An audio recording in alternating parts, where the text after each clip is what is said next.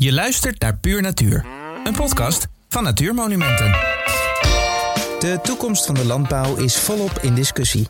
Stikstofuitstoot, CO2-uitstoot, dierenwelzijn, aantasting van het karakteristieke landschap. Het zijn allemaal thema's waar de landbouw op aangesproken wordt. We gingen op bezoek bij melkveehouder Art van Veen in Bodegraven. Hij vertelt ons hoe hij met deze uitdagingen omgaat. Art melkt zo'n 80 koeien op 40 hectare land.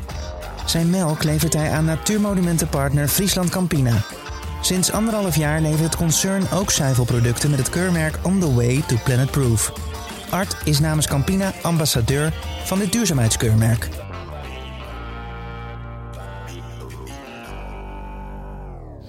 We, zijn hier bij eh, Art van Veen in, eh, in Bodegraven eh, op zijn melkveebedrijf. Art, kun je jezelf even voorstellen?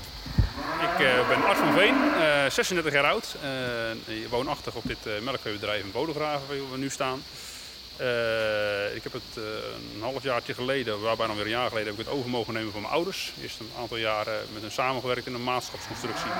En, eh, inmiddels eh, ben ik eh, eindverantwoordelijk in mijn eentje. Hoe, eh, hoe ziet het bedrijf eruit? Ja, dat is een goeie. Het, eh, nou, het is een melkveebedrijf dus. We hebben een, eh, om en nabij de 80 koeien die we melken. Met bijbehorend jongvee, dus we zijn er met een stuk of 30. En we hebben een eh, 40 hectare land, 41 hectare. Waarvan een 7 hectare telen we maïs op en de rest is eh, grasland. Eh, dus eh het gedeelte uitgestelde maaidatum en eh, het grootste gedeelte ligt hier bij huis in een blok om de stal heen. Dus eh, dat biedt volop gelegenheid eh, tot weidegang en, eh, en dat soort zaken. En we zitten hier midden in het veenweidegebied, een goede. want in de rest van Nederland heb je vaak grotere kavels weinig sloten. Nou, hier hebben we juist heel veel sloten. Ongeveer 10, 15 procent van de oppervlakte die we hebben, die is sowieso water. Dat zijn slootjes of vaarten of wat je er ook hoe je het ook wil noemen. En nou, da- daardoor heb je vrij kleine kavels, veel slootkanten. Die je ook weer anders, of niet bemest eigenlijk, waardoor je ook weer andere planten, et cetera, hebt die hier groeien. In plaats van dat je één groot blok aan land zou hebben. Dus dat is aan de ene kant is dat, eh, is dat een uitdaging. Want iemand die uit eh, een andere hoek van Nederland haalt, die denkt van eh, hoe, kun je hier, hoe kun je hier fatsoenlijk boeren zoals ze grote blokken gewend zijn. Maar ik weet niet beter dan dit en ik zie het juist als voordeel ook. Want het is heel makkelijk weiden met kleine blokjes, kan makkelijk verwijden, je kunt draden zetten.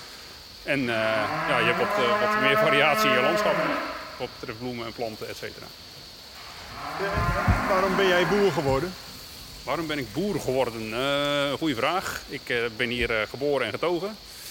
En ik heb van jongs af aan het rijlen en zeilen meegekregen van mijn ouders, die samen het bedrijf draaien hielden.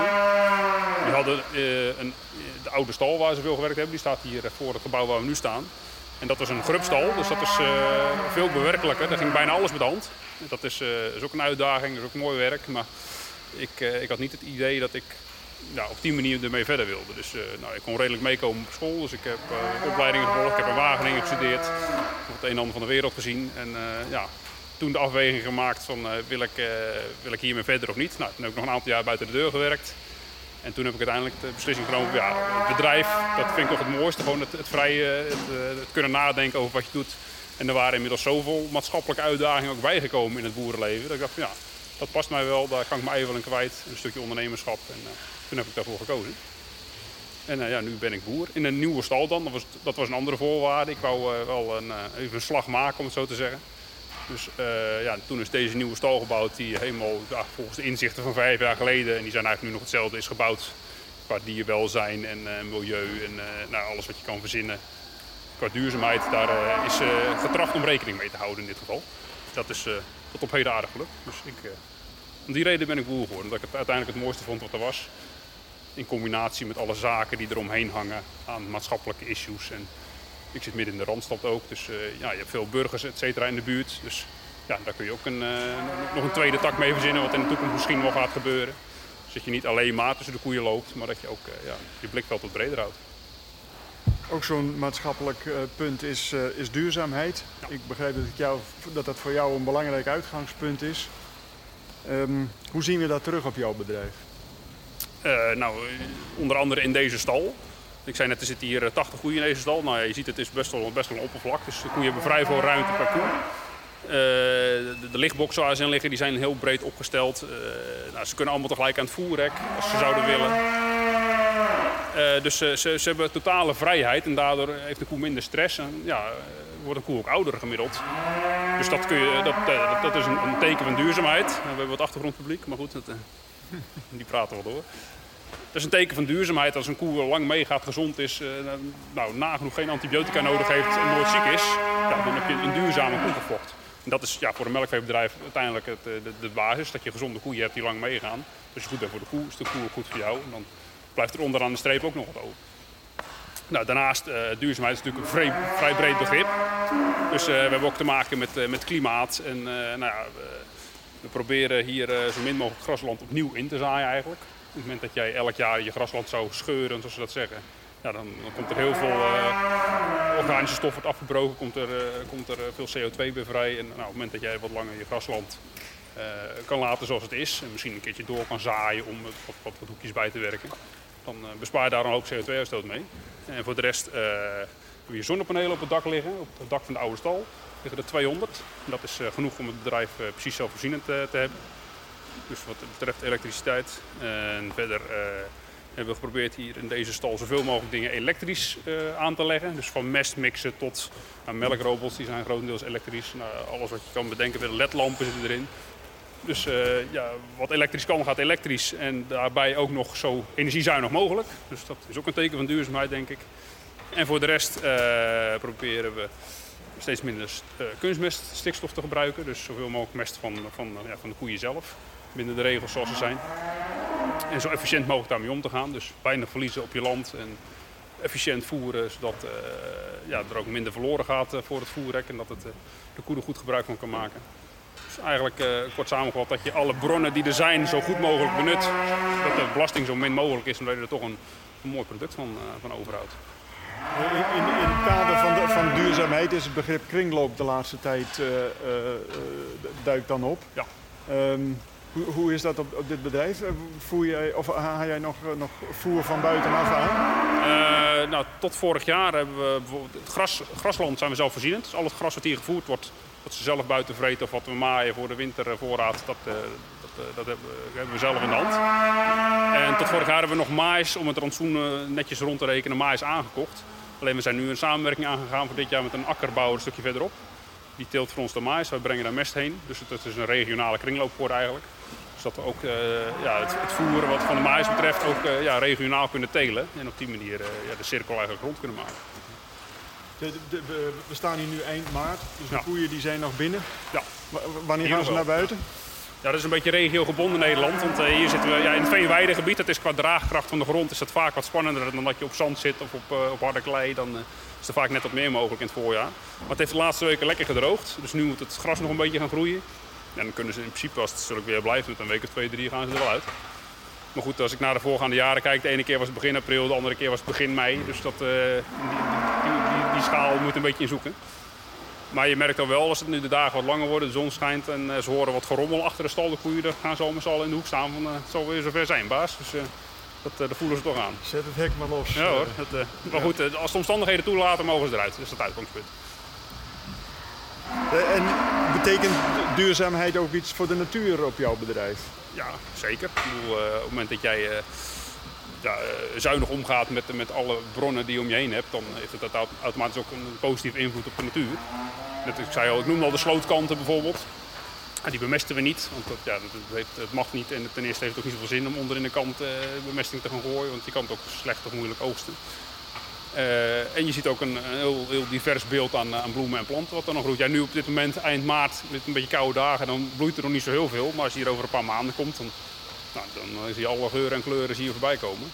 En dat maaien we ook gewoon mee. Dus in feite verarm je eh, het laatste stukje van de kant op die manier. En eh, hou je dat ook in stand en hou je het een beetje open. Dat het eh, niet, al te ruig wordt. ook later? Dat hebben we een aantal jaren gedaan, dat hier toen bepaalde natuurbeheerpakketten voor waren. Dus dan doe je dat. Maar mijn ervaring is eigenlijk dat op het moment dat je het regelmatig gewoon meemaait, dat je eigenlijk een diverser beeld hebt dan dat het tot 1 juli laat staan, dat het eigenlijk een soort verruigt. Maar goed, daar zit ook weer middenwegen in. En op dit moment eh, zitten voor dit stukje van de polder zitten die pakketten er niet op.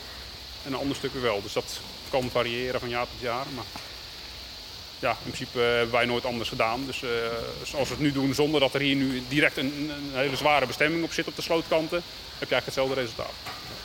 En, wat voor planten groeien daar zoal?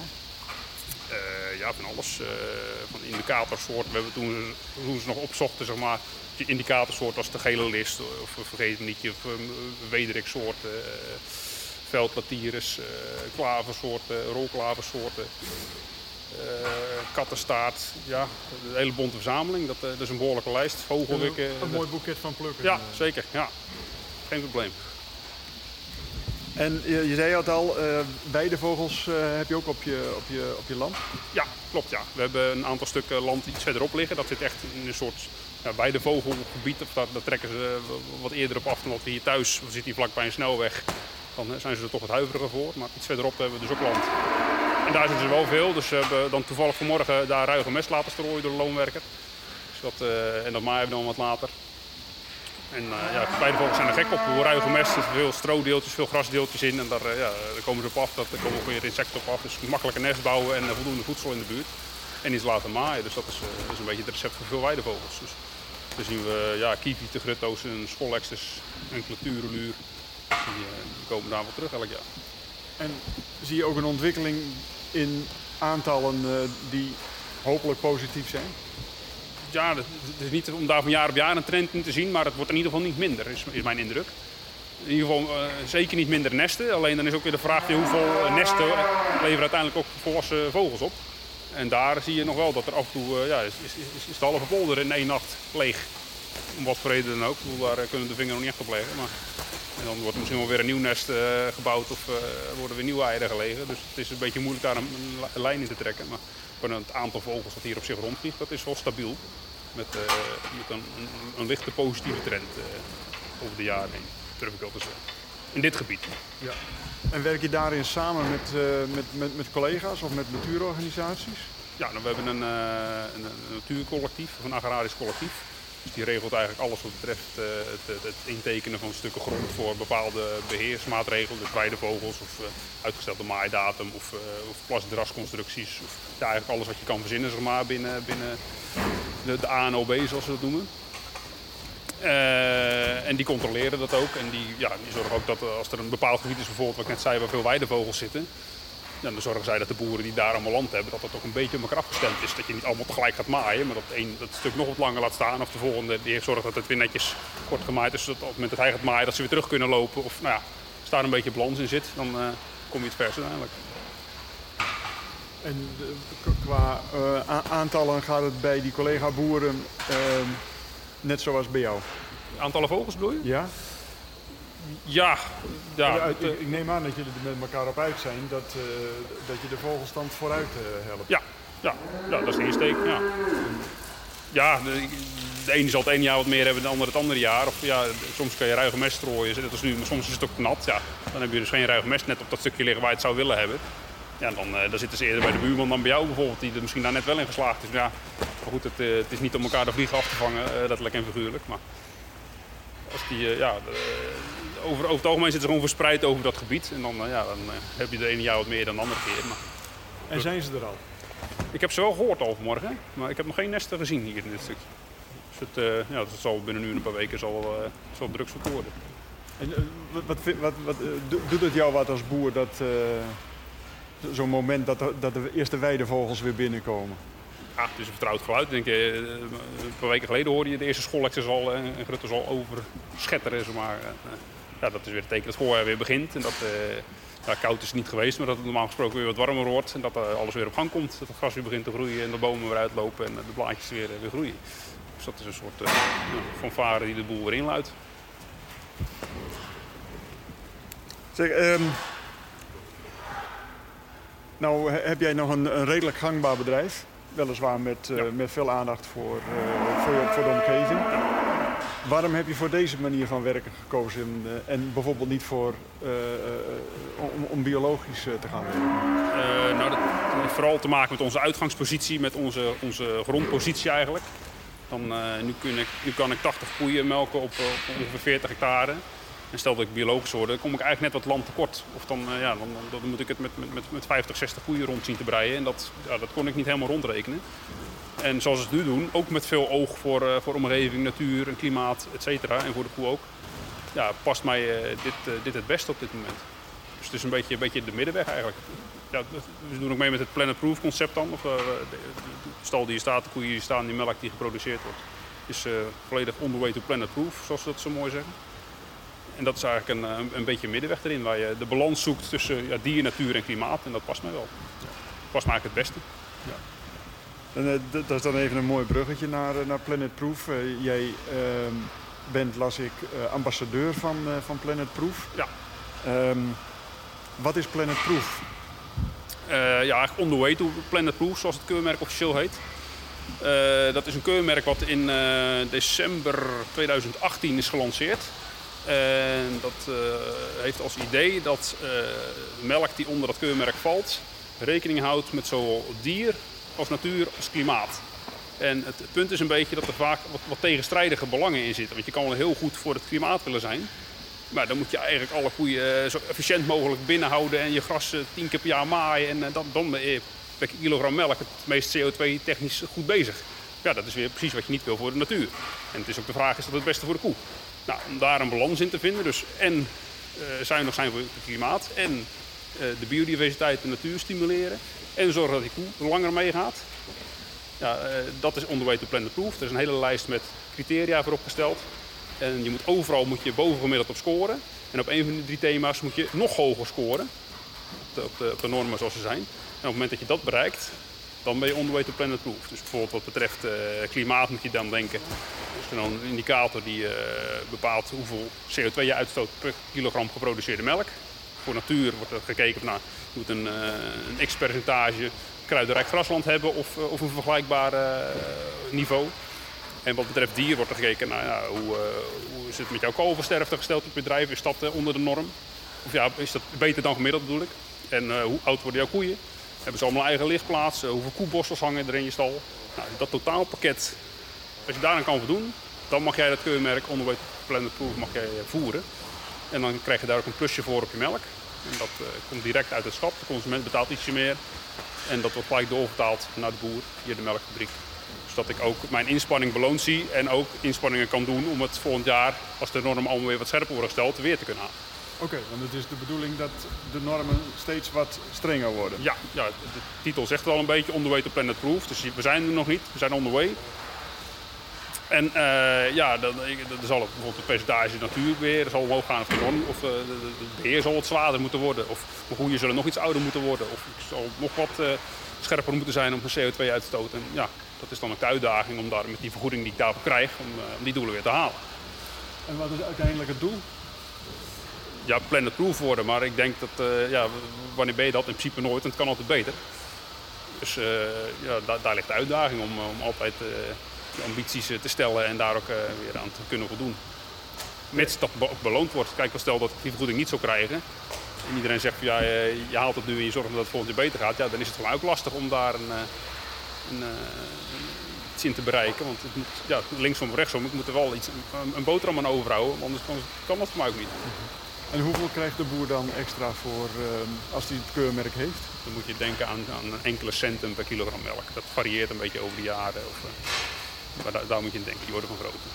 Dus je wordt er niet rijk van, maar het, het vergoedt wel die inspanning die je moet doen uh, voor uh, ja, alle, alle, extra zaken die hier komen spelen. Ik als ik een extra koeborstel moet kopen volgend jaar, want daar normen zijn aangesteld, ja, zo'n ding kost, uh, kost meer dan 1500 euro. Ja, als, als ik dat niet goed zou krijgen, zou ik dat niet doen. En nou, nou ben je dus ambassadeur. Ja. En wat houdt het dan in om ambassadeur te zijn? Uh, ja, dat is een, een, behoorlijk grote term als je zegt ambassadeur, maar het is meer dat je een beetje uh, boegbeeld ben in reclamecampagnes. Of ik heb een tijdje achter op het melkpak mogen staan met een foto en een verhaaltje. En, uh, ik geef wel eens presentaties binnen de melkfabriek of, of, of, of, bij gelegenheden waar, waar het label gepresenteerd wordt. en dat doe ik graag. Ik, mag graag vertellen over wat ik hier doe en waarom ik het doe en, en, hoe ik dat doe en hoe ik dat de komende tijd wil gaan doen. Dus ja, dat is een beetje de, de, de, lading die erop zit wat betreft ambassadeur. En, ehm, en dan is het natuurlijk de bedoeling om zoveel mogelijk collega-boeren mee te krijgen in, de, in dat verhaal. Ja.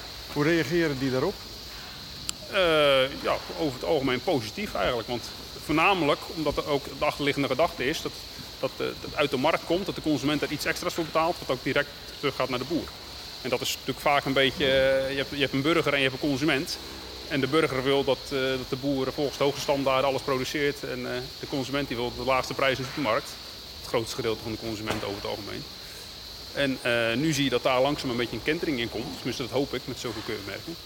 Dat, dat het beloond wordt, je extra inspanning. Want de boeren willen wel, dat is niet zo'n probleem. Maar je kan niet van ze verlangen dat ze van de een op de andere dag een totale draai maken die ze eerst zelf mogen voorfinancieren. Waarvan nog maar de vraag is of dat, dat uiteindelijk vergoed wordt.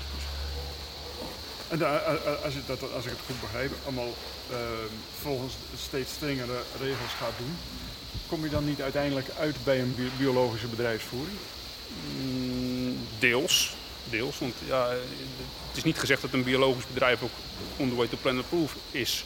Dat klinkt misschien gek, maar kijk, op het vlak van natuurbehering uh, zullen ze het makkelijk halen. Maar wat betreft CO2-uitstoot, ja, een gemiddelde biologisch bedrijf produceert wat minder melk. En gewoon puur qua efficiëntie en hoeveel CO2 wordt er uitgestoten per kilogram geproduceerde melk, zullen er niet zo heel veel zijn die dat zomaar halen. Maar goed, dat is ook net het spanningsveld waar je in zit. Van, ja, ga je volledig voor de natuur of ga je volledig voor het klimaat? Of, ja, of zoek je daar een balans in? Nou, wij zoeken de balans. En dan zeg ik niet dat dat beter of slechter is dan een biologisch bedrijf. Maar ja, dit is onze keuze en dit past ons. En wij onderscheiden ons op dat vlak. En een biologisch bedrijf onderscheidt zich weer op een ander vlak. Zo moet je het een beetje zien. Het is niet dat de een dan beter of slechter is. Iedereen doet zijn best op zijn manier. Binnen de mogelijkheden die je hebt. Zei jij net dat je toch een beetje door de omstandigheden zoals die hier zijn... Uh, gedwongen bent om, om, het, om het op deze manier te doen. Hè? Dus ik, ik proefde daar een, uh, een beetje in dat je, als, het, uh, als je echt de keuze zou hebben, dat je ook graag biologisch zou gaan, gaan werken. Mm, nou, nee, niet direct. Is niet dat ik gedwongen ben om het op deze manier te doen. Het is ook gewoon waar zie je de uitdagingen in of welke knop wil je kunnen draaien. En met de gangbare manier van boeren, noem ik het maar even, zie ik daar voor mezelf persoonlijk de meeste uitdagingen in. En niet direct biologisch. Dus, ik, ik, snap dat sommige mensen juist daar heel erg naar die kant willen. Maar ja, ik, ben, ik, ben wat meer, ik zit meer aan de gangbare kant wat dat betreft, gevoelsmatig. Terwijl dat misschien in de praktijk lang niet altijd zoveel scheelt als mensen zullen denken. Maar ja, dit, is, dit, dit past mij het beste, deze, deze jas. Wil je geen aflevering missen? Abonneer je dan via een van de bekende podcast-apps.